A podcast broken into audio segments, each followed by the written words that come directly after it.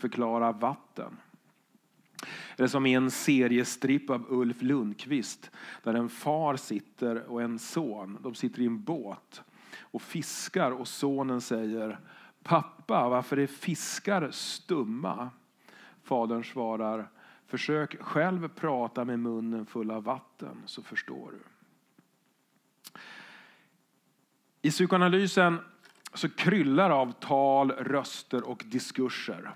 The talking cure, överjagets röst, rösten i hallucinationen, moderns röst, Herrens röst, den kvinnliga rösten, det tomma talet, det fulla talet, det paranoida talet, det hysteriska talet, schizofrena.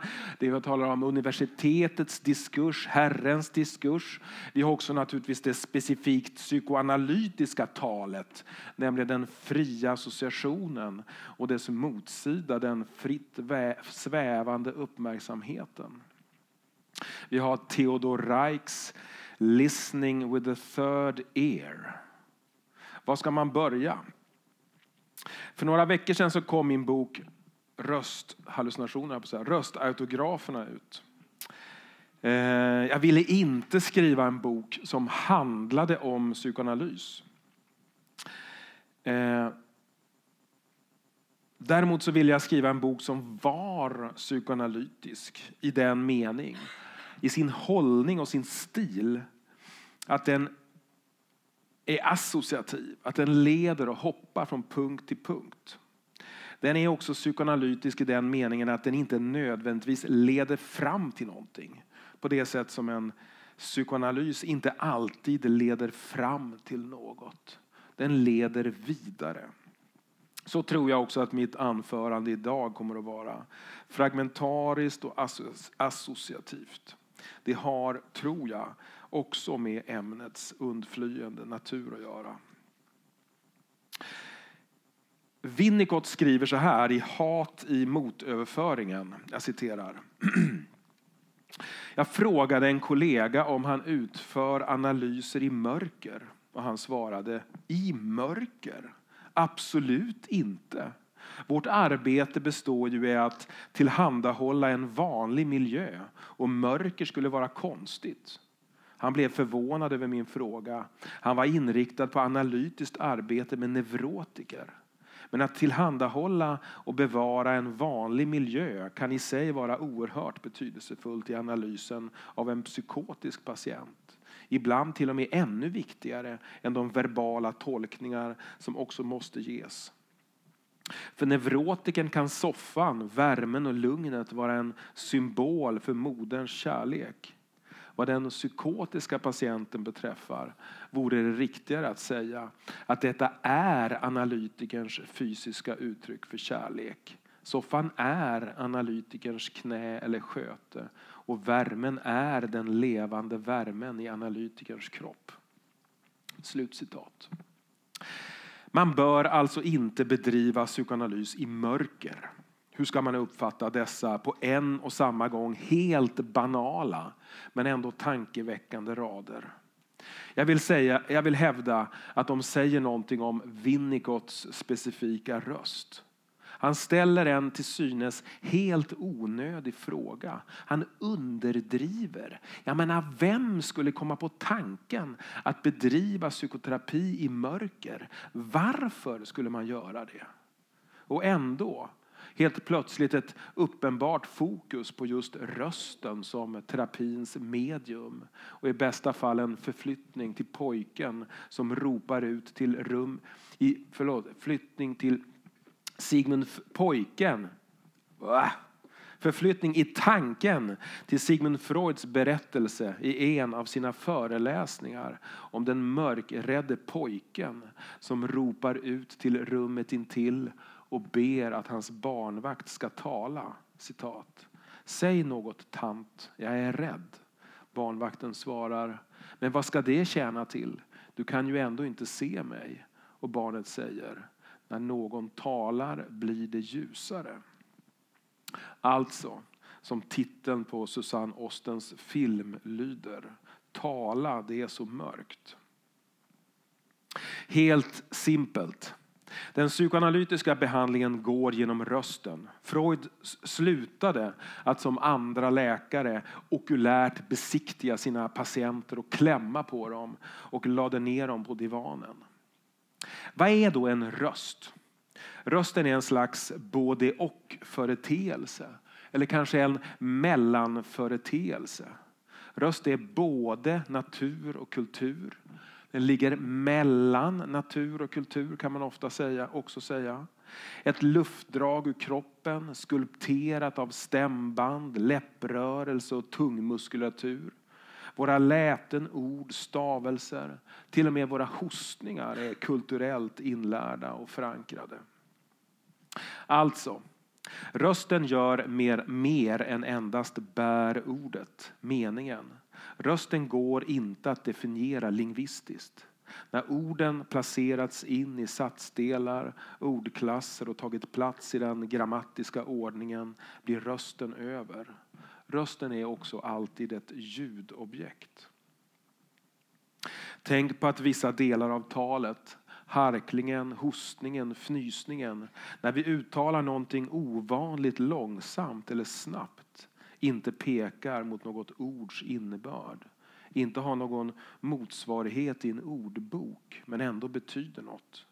Det vet väl alla att det betyder något om man gäspar. Rösten är både nutid och dåtid och framtid. Rösten är bunden i tiden. Rösten säger det är nu jag talar. Ett av röstens kvaliteter är att den rör sig längs ett pågående presens. Den är alltid aktuell. Men den överskrider också tiden eftersom den inte passerar från talorgan till hörselorgan utan också genom våra fantasier och språkliga erfarenheter. När jag talar hörs min historia, mina föräldrar hörs, min dialekt, mitt sammanhang, mina språkliga misstag, mitt personliga förhållande till vad jag säger. Men framför allt, när jag hör mig själv inspelad så hör jag min bror. Rösten säger, det är nu jag talar. Rösten är alltid både historia och nu. Därför blir den inspelade rösten intressant. Ljudinspelningen rör sig med två presens. Inspelningsnuet och lyssningsnuet. Och vi skulle kunna tänka oss följande inlästa dikt. Kära lyssnare. Jag kanske är död när du lyssnar på det här. Och du kanske inte var född när jag talade in det. Men en sak vet jag. Att du i detta nu lyssnar på detta. Och en sak vet du. Att jag i denna stund läser in dessa rader. Rösten är också både, alltid, också både en personlig autograf och tillhör gruppen. Vi känner igen de flesta röster när vi hör dem. Tänk er politikens röster. Ebba Busch Thor, Stefan Löfven, Jonas Sjöstedt. Visst kan vi höra dem inuti oss bara vi tänker på dem. Visst skulle vi känna igen dem omedelbart. Är det inte också förvånande hur ofta en röst passar på den som talar? Donald Trumps röst till exempel är perfekt för Donald Trump. Eller är det tvärtom? Att Donald Trumps röst liksom skapat Trumps persona. Förmodligen en dialektik, eller hur? Men rösten är också inte typisk. Den tillhör kollektivet. Vår röst är märkt av våra geografiska, den geografiska platsen, av den grupp vi tillhör. Vi har lärt oss att tala genom att härma våra föräldrar. Vår röst är naturligtvis märkt av vår tid. En påtaglig sak med rösten är dess flyktighet. Att den försvinner så snart den uttalats. Är den mänskliga rösten en kropp av luft, en substans som vissa grekiska filosofer menade? Eller är den icke-kroppslig, asomaton, eftersom ingenting finns kvar av den när den upphört? Det finns ett klassiskt ordspråk. Verba volant, scripta manant. Rösten försvinner, skriften finns kvar. förmodligen uttalat av, i romerska senaten av kejsar Titus och syftade, som syftade på textens beständighet och behovet av skrivna kontrakt till skillnad från muntliga. Men det är inte hela sanningen. I någon mening försvinner faktiskt röstskriften och rösten finns kvar. Skriften kan lämna platsen och åka omkring till olika städer och länder. Både elektroniskt och i form av skrifter och brev, analoga såväl som elektroniska. Rösten blir dock kvar. Den stannar kvar på platsen där den utsades. Rösten förblir det som sades på exakt det stället, där och då. Det menar Jacques Lacan i sitt andra seminarie, den om jagets i Freuds teori. Våra symptom visar sig i rösten. Rösten säger alltid mer än man vill. Rösten lämnar ut för mycket, men rösten utelämnar också för mycket. Med andra ord, man kan aldrig veta riktigt vad man säger. Här är några exempel. Barnet på BUP som alltid är så snällt men talar med en gäll genomträngande ton. Den nervöse byråkraten som intervjuas i tv och innan varje svar måste harkla sig och liksom glider på ett långt äh flygplankaptenerna, flygkaptenerna som snubblar på orden i sedvanligt sinnessjuk hastighet när de rabblar igenom sina välkomstfraser. Poeten som fruktat och längtat efter att läsa sina dikter högt men nu knappt klarar av att ens viska. Den hypomane som ter sig så osannolikt trevlig och normal men avslöjar sig genom att aldrig kunna sluta prata. Läkaren som låter så överdrivet lugn att patienten blir orolig. Vi har alla våra språkliga tics, upprepningar, vårt idiom, våra favoritvändningar, våra liksom och va och äh. Och i psykoanalysen har vi också felsägningen. Rösten står alltså i förhållande till det omedvetna eftersom vi i förväg inte kan veta vad den ska säga. Det är en anledning till att alla människor, om så ofrivilligt, är poeter.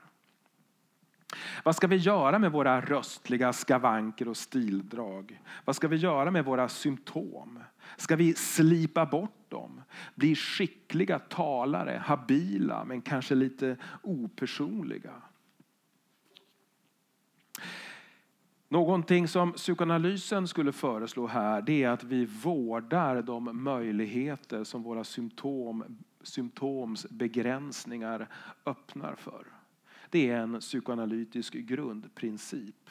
Att inte nödvändigtvis sträva efter att bli av med symptomen. Snarare bör vi exploatera dem. Hitta en plats eller ett verksamhetsområde där man kommer till sin rätt. Låt oss säga att en poet är blyg. Det är trots allt inte helt ovanligt. Ska poeten då träna bort sin blygsel? Eller går den att använda?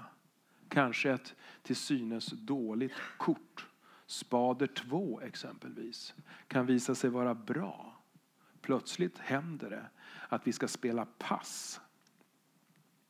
Poesiuppläsning är en så pass komplicerad företeelse att den faktiskt kan vinna på att inte vara så tekniskt högstående. Det är ett av problemen skulle jag säga när skådespelare läser dikter offentligt. De är helt enkelt för skickliga. Någonting i det sårbara i dikten går förlorat. Och tänk generellt Tänk på hur Lacan talade på sina föreläsningar, hur han visklar, harklar sig teatralt excentriskt. Och ta exemplet Slavoj Zizek. Hur framgångsrikt kan det inte visa sig vara att inte gå till en röstpedagog? Det sägs att Giovanni Agnelli grundare av och VD för bilmärket Fiat på 30-talet, blev mycket kritiserad för sina bilmodeller. Alla tyckte att de var för små. Allmänheten, experterna, alla. Men Giovanni Agnelli kontrade genom att 1936 presentera Fiat 500, känd som Topolino, Musse Pigg på italienska. En oerhört mycket mindre bil som med tiden blev Italiens folkbil. Så kan man göra. I rösten visar sig våra egenheter och symptom, i felsägningar, tonen, den personliga stilen.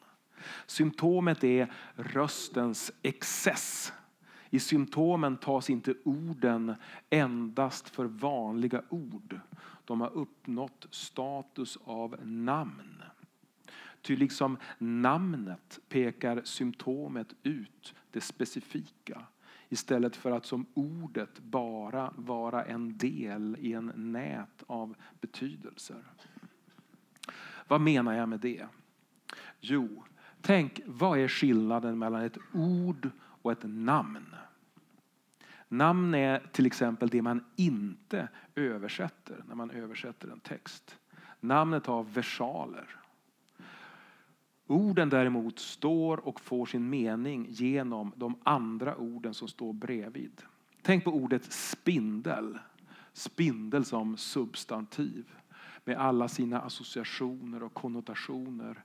En del spindlar är farliga men de bor i Australien. I Sverige finns det inga farliga spindlar. De är små eller svarta. De gör nät och så vidare. och så vidare. Men när spindeln blir ett symptom som för till exempel spindelfobikern så blir spindeln ett namn. Det får stor bokstav. Symptomet är det som sticker ut och namnet det är det som är speciellt. Det som fungerar på ett annat sätt. I Jacques Lacans sena och i princip oläsbara text L'Etourdi från 1972 försöker han hitta den rena rösten, det rena sägandet. Rösten innan den fastnat i det sagda. Lacan skriver, och det är som ofta svåröversatt. Qu'on dise reste oublié derrière ce que se dit dans ce qui s'entend. Konjunktivet qu'on dise gör att det rimligtvis borde översättas med tror jag. Det man kunde säga förblir glömt bakom det sagda i det som hörs. Jag tar om det en gång. Det man kunde säga förblir glömt bakom det sagda i det som hörs. Det är som ofta en enigmatisk mening, men jag förstår det på två sätt. Dels att utsagan skymmer utsägandet men också att det öppna, stora, liksom breda i allt det vi kunde säga hela tiden begränsas av det vi faktiskt säger. Letordi påminner på många sätt om James Joyce Finnegans Wake i den meningen att den är ytterst svårbegriplig. Men att en njutning infinner sig när man läser den högt. Alltså, när vi inte förstår något behöver vi bara säga det högt. Är inte det en uppmaning som kongenialt ligger nära den psykoanalytiska praktiken? Våra symptoms gåtor, vårt livs obegripligheter. Vi måste säga dem högt så kanske vi förstår någonting när vi hör oss själva tala. Det är för övrigt påfallande hur det knappast finns någon individuell röst i den moderna psykiatrin. På avdelningar och i öppenvården så får patienterna mediciner och manualer som man ska fylla i. Och man kanske också får en elektroschockterapi eller någonting annat. Eh, även de forsknings, även forskningsrapporterna i de referensgranskade tidskrifterna är i princip oläsbar för lekmän och innehåller oftast bara statistik, diagram och några intetsägande sammanfattningar om vilka mediciner eller vilken metod som har fungerat mer eller mindre bra. Den enskilda rösten, fallet, är inte kvar. Några individuella fallbeskrivningar finns inte längre utan fallen är samlade i grupper eller kluster. I äldre psyko psykiatrisk litteratur är det dock uppenbart hur läkaren bemödar sig om att lyssna, inte bara noggrant utan länge på den enskilda patienten. Beskriva fallet och försöka klassificera det. Vilket nästan alltid gör gammal psykiatrisk litteratur ytterst vital och spännande. Man ska läsa Kreplin och Bloiler. Man kan läsa Alois Alzheimers fall om Auguste Deter. Den första personen som får hans namn som diagnos. Det är lika rafflande som rörande läsning. Man kan läsa Pierre Chanets beskrivning av fallet Irene. Hon som vägrar begrava sin döda mor utan försöker mata henne med välling. Man kan läsa, som jag i somras, Kraft Ebbings Psykopatia sexualis full av underbart bizarra fall. Jag skulle personligen inte vilja ha gått miste om den lilla gubben, byråkraten som varje morgon innan jobbet bar med sig en limpa och la i en urinoar. Och på väg hem från jobbet plockade upp limpan för att ta hem och kalasa. Den typen av fall skulle helt enkelt vara otänkbara i dagens psykiatri. Och tänk på att Jacques Lacan träffade Aimé, hon som är analyseras kan man säga i hans, i hans eh, doktorsavhandling i varje dag i ett och ett halvt år. Nu för tiden så skrivs vignetter. Vignetter. Så här kommer en vignett. En patient jag träffade för mer än 20, det är min egen vignett. En patient jag träffade för mer än 20 år sedan hade förlorat sin tioåriga dotter i en bilolycka. Hon hade blivit överkörd av vad han kallade för en knarkare i en stulen bil. Det värsta var att denna person under rättegången enligt fadern inte hade visat några tecken på ånger. Vi samtalade kanske 15 gånger. Det var verkligen mycket komplicerat, mycket förtvivlat. Ett tag var jag rädd att det skulle sluta med mord. Fadern hade kontakter, sa han, och han visste exakt var i huvudet man ska slå in en spik för att en människa för alltid ska tystna men överleva som en stum zombie. Vi samtalade kanske 15 gånger. Det var verkligen mycket komplicerat, mycket förtvivlat. Ett tag var jag rädd för att det skulle sluta med mord. Fadern hade kontakter, sa han. Förlåt. Fadern ringde oupphörligen sin dotters mobiltelefonnummer. Han ringde hundra gånger, flera hundra gånger. Naturligtvis för att helt enkelt få höra hennes röst. Men också, tror jag, i en slags förhoppning om att få höra någonting nytt i hennes röst. Någonting ditintills oupptäckt. Kanske en antydan till inandning eller en harkling han aldrig tänkt på tidigare. Men till sist kom alltid de ofrånkomliga orden. Hej, du har kommit till NN. Lämna ett meddelande efter pipet. Eller ännu hellre en nyans, en ton som visade att hon hade varit lycklig, glad. Hennes röst var ett slags kvitto på att hon inte bara hade haft en levande kropp utan rent av fortfarande, åtminstone nästan, hade det. Något liknande hände mig själv. När jag var fyra år så blev min pappa döv. Han hade haft hjärntumörer nära akustikusnerven. Och efter en operation 1969 så blev han, förlorade han hörseln. Och jag vet att när jag var liten så försökte jag pröva, kolla om han verkligen var döv genom att liksom ropa oväntat bakom hans rygg för att se om han skulle reagera. Rösten gjorde att hans röst förändrades. Den blev liksom monoton och liksom dov. Men inte på det där sättet, tror jag, som barndomsdöva har. Däremot så kunde han inte, inte anpassa styrkan i det. Det hände att när vi var på restauranger eller, eller ute på, i affärer så pratade han jag menar, antingen alldeles för högt eller alldeles för lågt. Man fick liksom reglera så här genom att höja och sänka honom. Men vi kunde ändå prata med varandra. Han lärde sig att läsa på läpparna och jag lärde mig också prata någon form av enkelt eh, teckenspråk. Min far hatade också mustascher. Det gjorde att man inte kunde se vad som sades på läpparna. Han var utbildad folkskollärare men förlorade hörseln och han omskolade sig till bibliotekarie och arbetade på Umeå universitetsbibliotek under hela 70-talet.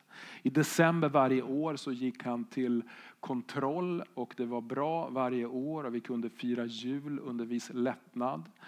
Eh, men 1980 så hade hjärntumörerna kommit tillbaka och han opererades flera gånger innan han dog 1984.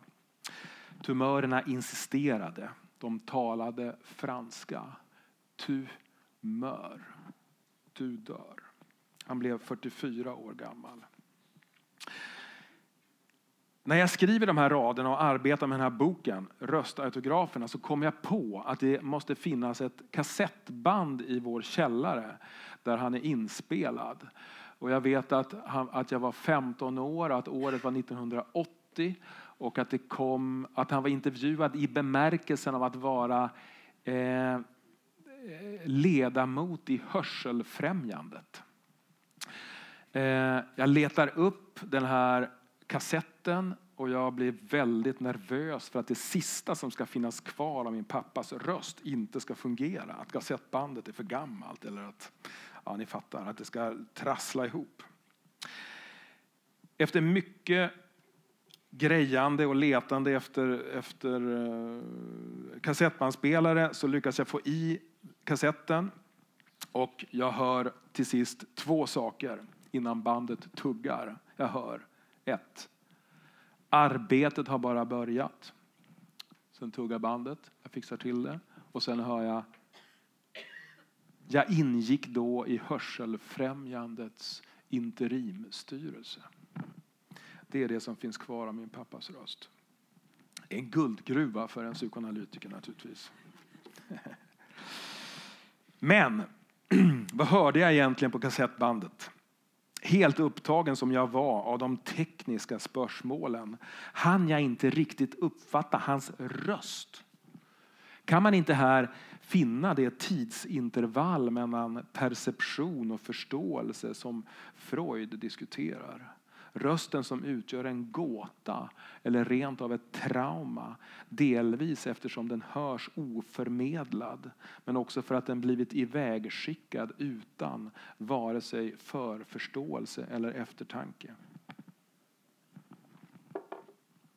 Tiden som går mellan det man hör och förstår är fantasins tid. Rösten blir alltid förstådd nachträglich, i efterhand, retroaktivt.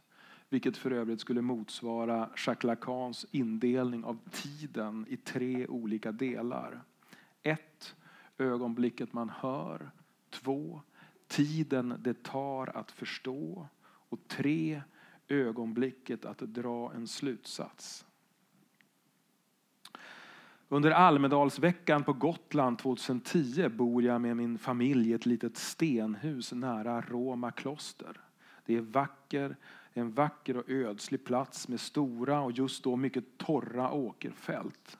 En kväll när jag låg och läste hörde jag avlägsna men högröstade män de föreföll arga och upprörda och det eskalerade oroväckande. Det lät hysteriskt, livsfarligt. Och jag sa till min fru, det här låter verkligen inte bra. Det kommer att sluta med mord. Vi måste ringa polisen. Men sen händer någonting oväntat. Applåder, musik. Och vi förstår att vi just lyssnat till slutscenen i Shakespeares Macbeth som spelas på Roma kloster strax intill. Kanske räcker ändå dessa mina fars få ord. Han sa, jag ingick då i Hörselfrämjandets interimstyrelse. Hans röst var mer märkt av sjukdom, liksom konstigare, mer specifikt döv än jag minns den. På det sättet en döv ofta låter, tror jag, eftersom någonting med resonansen går förlorad när en människa inte hör sig själv tala. Och för övrigt med typisk norrländsk, norrbyskärsk brytning men samtidigt förbluffande, otroligt, fullständigt vanvettigt välbekant. En röst jag levt med varenda dag i 19 år och sedan inte alls hört på 35. Macbeth. Är det min? Nej. Macbeth, akt 5, slutscenen.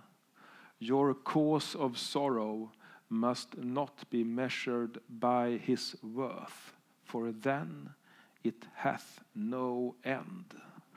I Hagbergs översättning. Mät er sorg, ej efter värdet av vad ni förlorat, ty då blir aldrig slut på den. Rösten intar en speciell plats i den psykoanalytiska praktiken. När Freud talar om lyssnandet i analysen som en freischwebende Aufmerksamkeit, fritt svävande uppmärksamhet, så betonar han inte endast att lyssna till det som sägs utan också till en slags öppenhet inför de små tecknen röstens störningar, stamningarna, hosta, harklingar. Men också det i rösten som sticker ut. Det säregna, oväntade ord, betoningar, ord som upprepas ofta. Eller det som kallas för hapax legomenon, nämligen det ord som är endast är nämnt en enda gång. I Shakespeares hela samlade verk är till exempel ordet satyr, som ändå är ett ganska vanligt ord, nämnt en enda gång. Uh, vilket är ändå eh, på något sätt oväntat. Och i Bibeln så diskuterar, diskuteras det på kristna webbsajter hur många hapax legomenon det finns i Bibeln. Jag förstår att det finns ungefär 1300. Alltså ni fattar, ord som nämns en enda gång. Själv brukar jag i mitt arbete med, som psykoanalytiker vara extra uppmärksam när någon nämner ett ord för första gången. Kanske har någon alltid kallat sina föräldrar vid förnamn men säger plötsligt mamma. En annan har aldrig tidigare vågat uttala ordet ensam. En tredje försöker i det längsta att undvika ordet palliativ. Saken är ju den att, att det ord som är alldeles färskt intar platsen för hapax legomenon och därför får en specifik tyngd. Om inte annat av själva överraskningseffekten när ett tidigare obekant språkligt fält öppnar sig. Jag skrev nyligen efterordet till Jenny Tunedals diktsamling Hejdade, hejdade sken, en nyutgåva. Och I mina läsningar av boken så märker jag att på näst sista sidan så finns det ett hapax legomenon, nämligen ordet far. Och när jag ser det ordet så, så förstår jag plötsligt i efterhand hur mycket av det tidigare som diktsamlingen, som för övrigt är mycket vad ska man säga, svävande och vag, faktiskt tycks handla om en far. Det specifikt psykoanalytiska talets fria association har en motsvarighet i lyssnandet, den fritt svävande uppmärksamheten. Det Theodor Reich talar om som lyssna med det tredje örat. Det är i ångestseminariet, seminarie 10, som Lacan lägger till rösten som delobjekt för driften. De tidigare delobjekten är då bröstet för den orala driften, avföringen för den anala driften, penis för den falliska driften och Lacan lägger då till blicken för syndriften, eller som man säger ibland den skopiska driften. Och rösten är då hörseldriftens objekt. Det är ingen utvecklingspsykologi det här utan ska uppfattas som strukturella positioner. Viktigt är att blicken och rösten finns på utsidan. De är föremål ute i världen. De tillhör inte seendet utan det sedda. Inte själva hörseln utan det som hörs. Jag tror att det går att förstå röstens plats hos Lacan genom att tala om triaden behov, krav och begär. Behovet handlar främst om kroppsliga behov. Behovet tillhör den reala sfären i Lacans tre ordningar. Ni vet det reala, imaginära och symboliska. Behovet kan till exempel vara att äta, dricka, sova.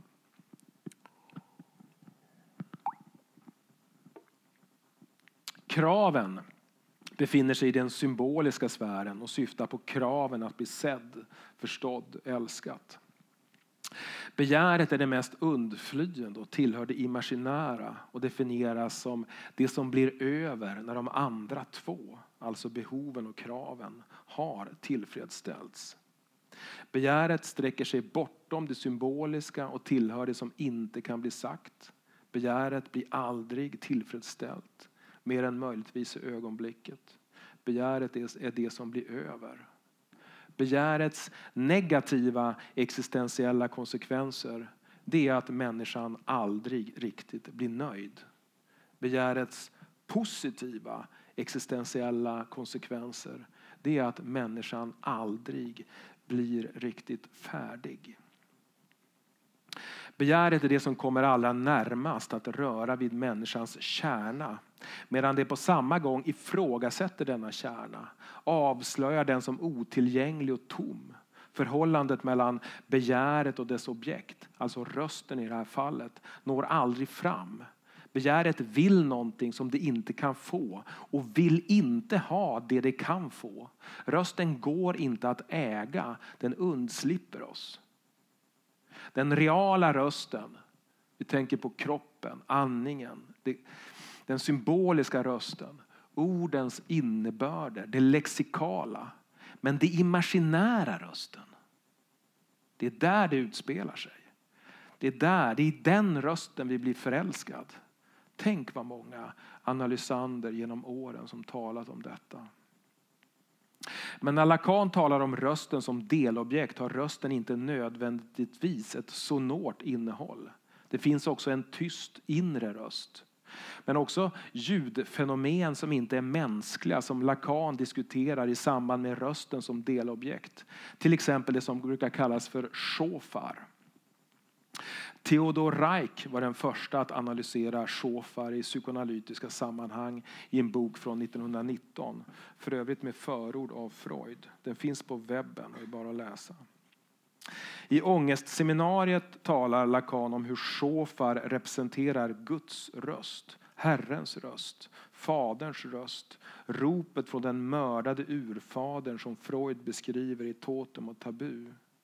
Faderns röst är en rest, någonting överblivet som å ena sidan är helt meningslöst men ändå kräver underkastelse och representerar instituerandet av lagen, Herrens omöjliga närvaro. Rösten är lagens ursprung, men lagen måste skrivas ner för att göras tillgänglig eftersom folket är rädda för och inte vill höra Herrens röst. Det som blir kvar efter nedtecknandet av lagen är shofar och överjaget, lagens baksida. Den 4 september 2017, exakt på sekunden klockan 15.00, börjar jag spela in mig själv med hjälp av min mobiltelefon när jag läser en dikt under de tre minuter som VMA testsänds över hela landet.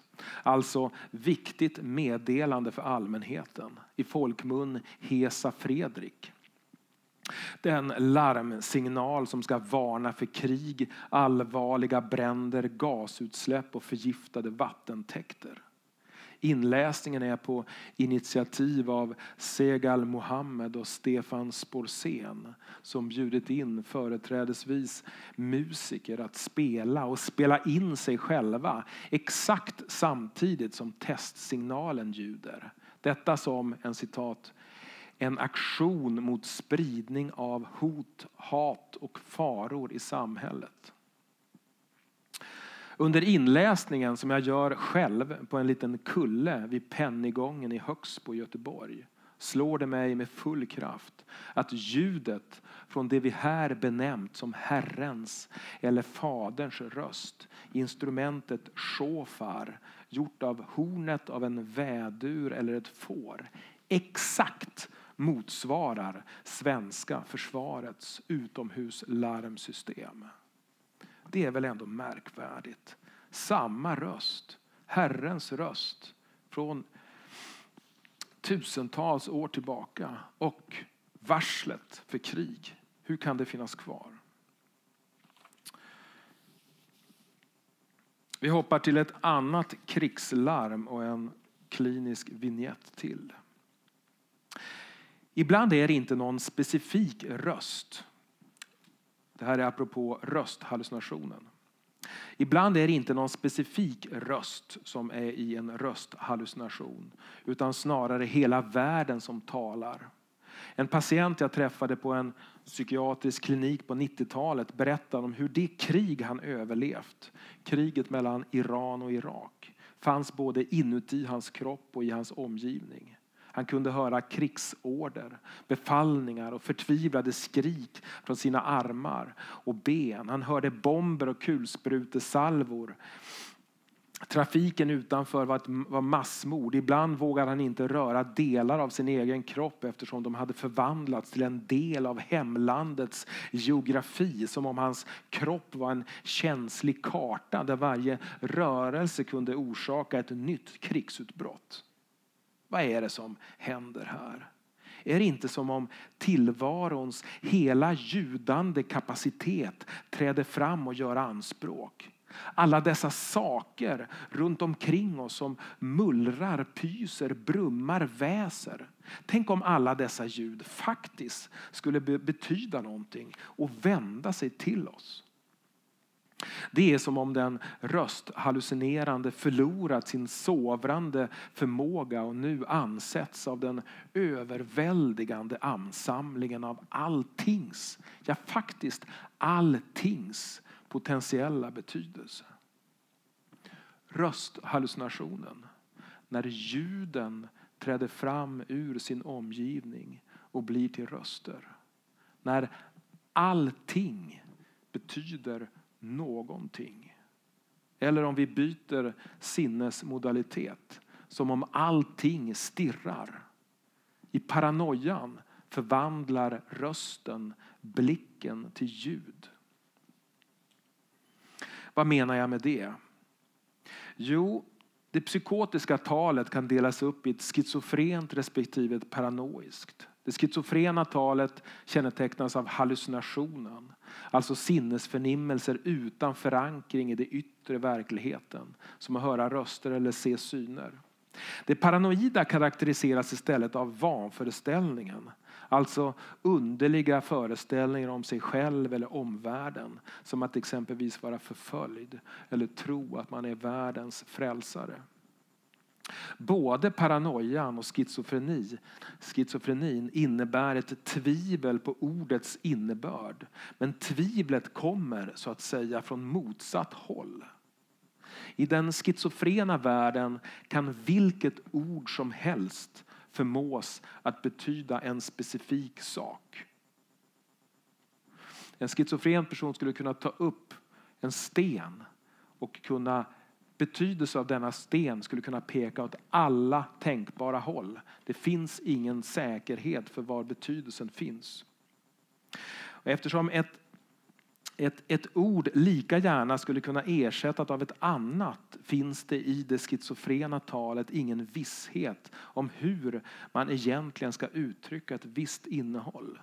För den schizofrene leder det ofta till förtvivlade försök att förstå innebörden i någonting som man sett eller hört. Vad betyder det att jag har tre fyror i mitt telefonnummer? Varför heter nejlika just nejlika? Vad innebär det egentligen? Som en patient sa till mig på en psykosavdelning på 90-talet. Vad innebär det egentligen att Kalmar nästan rimmar på Karl Marx? Det schizofrena talets sanningsaspekt är alltså att det sätter fingret på ordens faktiska godtycklighet.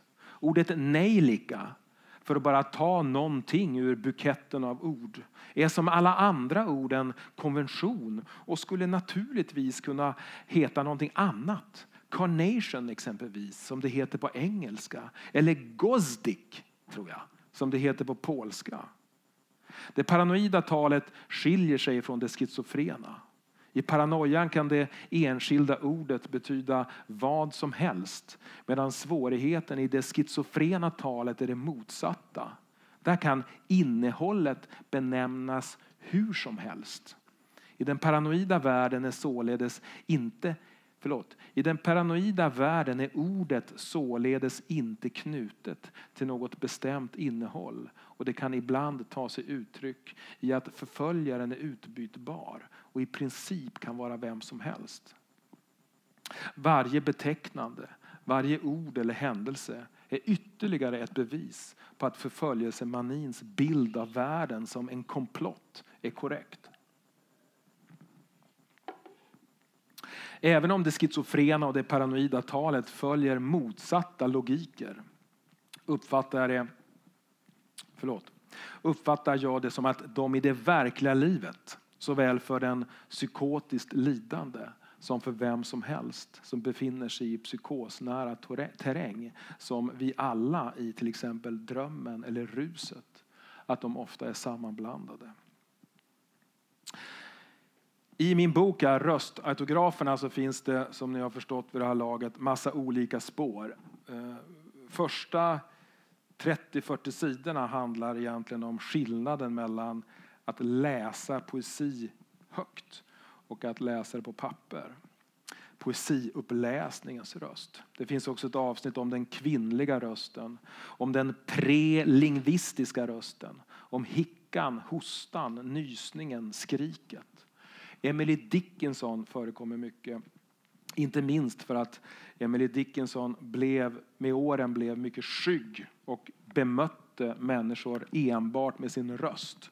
Hon stod i sitt rum och när de kom på besök så stod hon bakom dörren och pratade med dem. Vilket ju påminner mycket om den psykoanalytiska praktiken. Freud som säger varsågod och lägg dig ner på divanen och så möter han patienten med just rösten.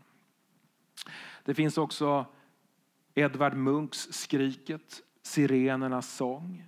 Eh, jag diskuterar Beach Boys Brian Wilson och moderjournalisten Esme Vejung Wangs rösthallucinationer. Brian Wilson har tre stycken eh, röster. Han har sin pappa som slog honom så hårt på högra örat att han blev döv. Han har också Buddy Holly och till sist har han stjärnproducenten. Ska vi se. Tack, Phil Spector. Precis. Som producerade hans älsklingslåt Be My Baby med Ronettes som man lyssnar på varje dag. Dessa tre röster plågar honom och skriker nedsättande ord. Det finns också Thomas Edisons extremt kusligt sjungande dockor.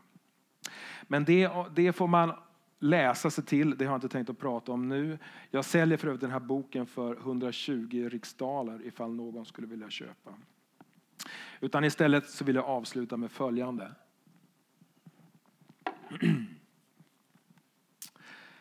Kära körmedlemmar. Hur rör sig en park? Varför säger vi titta solen och pekar mot solen när det bara finns en sol? Hur vet vi om våra bekännelser är samma? Sanna, förlåt. Upptäckte jag att du fanns vid exakt samma tillfälle som du upptäckte att jag fanns? Det frågar vi. Handlar allt om oss eller är det vi som handlar om allt det andra?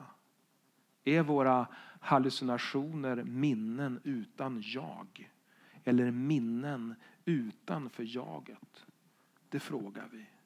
Sångkören av sång, körverket av verk. Vad säger vi? Är vi mot rättvisa? Riskerar vi att opereras utan smärtlindring? Riskerar vi att frysa ihjäl i en tunnel? Riskerar vi att drogas, kidnappas och vakna upp långt ner i marken i ett trångt avloppsrör? Knappast! För det handlar sällan om vad som sägs, utan vem som säger det. Vad är egentligen värre? Att säga jag men mena vi? Eller att säga vi men mena jag? Eller att säga jag och verkligen tro sig mena jag? Kära körmedlemmar, som alltid utgörs kärnkonflikten av att människor menar samma saker men uttrycker sig olika. Som alltid utgörs kärnkonflikten av att människor säger samma ord men menar olika saker. Vad är värre? Att hoppas att det inte ska ta slut men att det tar slut. Eller att hoppas att det här ska vara slutet men att det inte tar slut. Vad är värre? Att först vara död och sedan leva eller att först leva och sedan dö? Vad är bättre? Ett löv eller en kokt sten? En stege eller 200 kilo cement? Demens i förtid eller perfekt skärpa bland glidlakanen? Vad är bättre? Ett spädbarn med dödsångest eller ett spädbarn utan dödsångest? Vad finns det för njutning och vad finns det inte för njutning i att göra andra illa? Är det obehag eller njutning som meddelar att vi närmar oss en gräns? Cirkulationen av vokala uniformer. Det klaustrofobiskt förutbestämda i hur vi uttalar ett E. Ska vi säga vad vi sa nyss så att vi kan säga det igen till oss själva? Så, tack.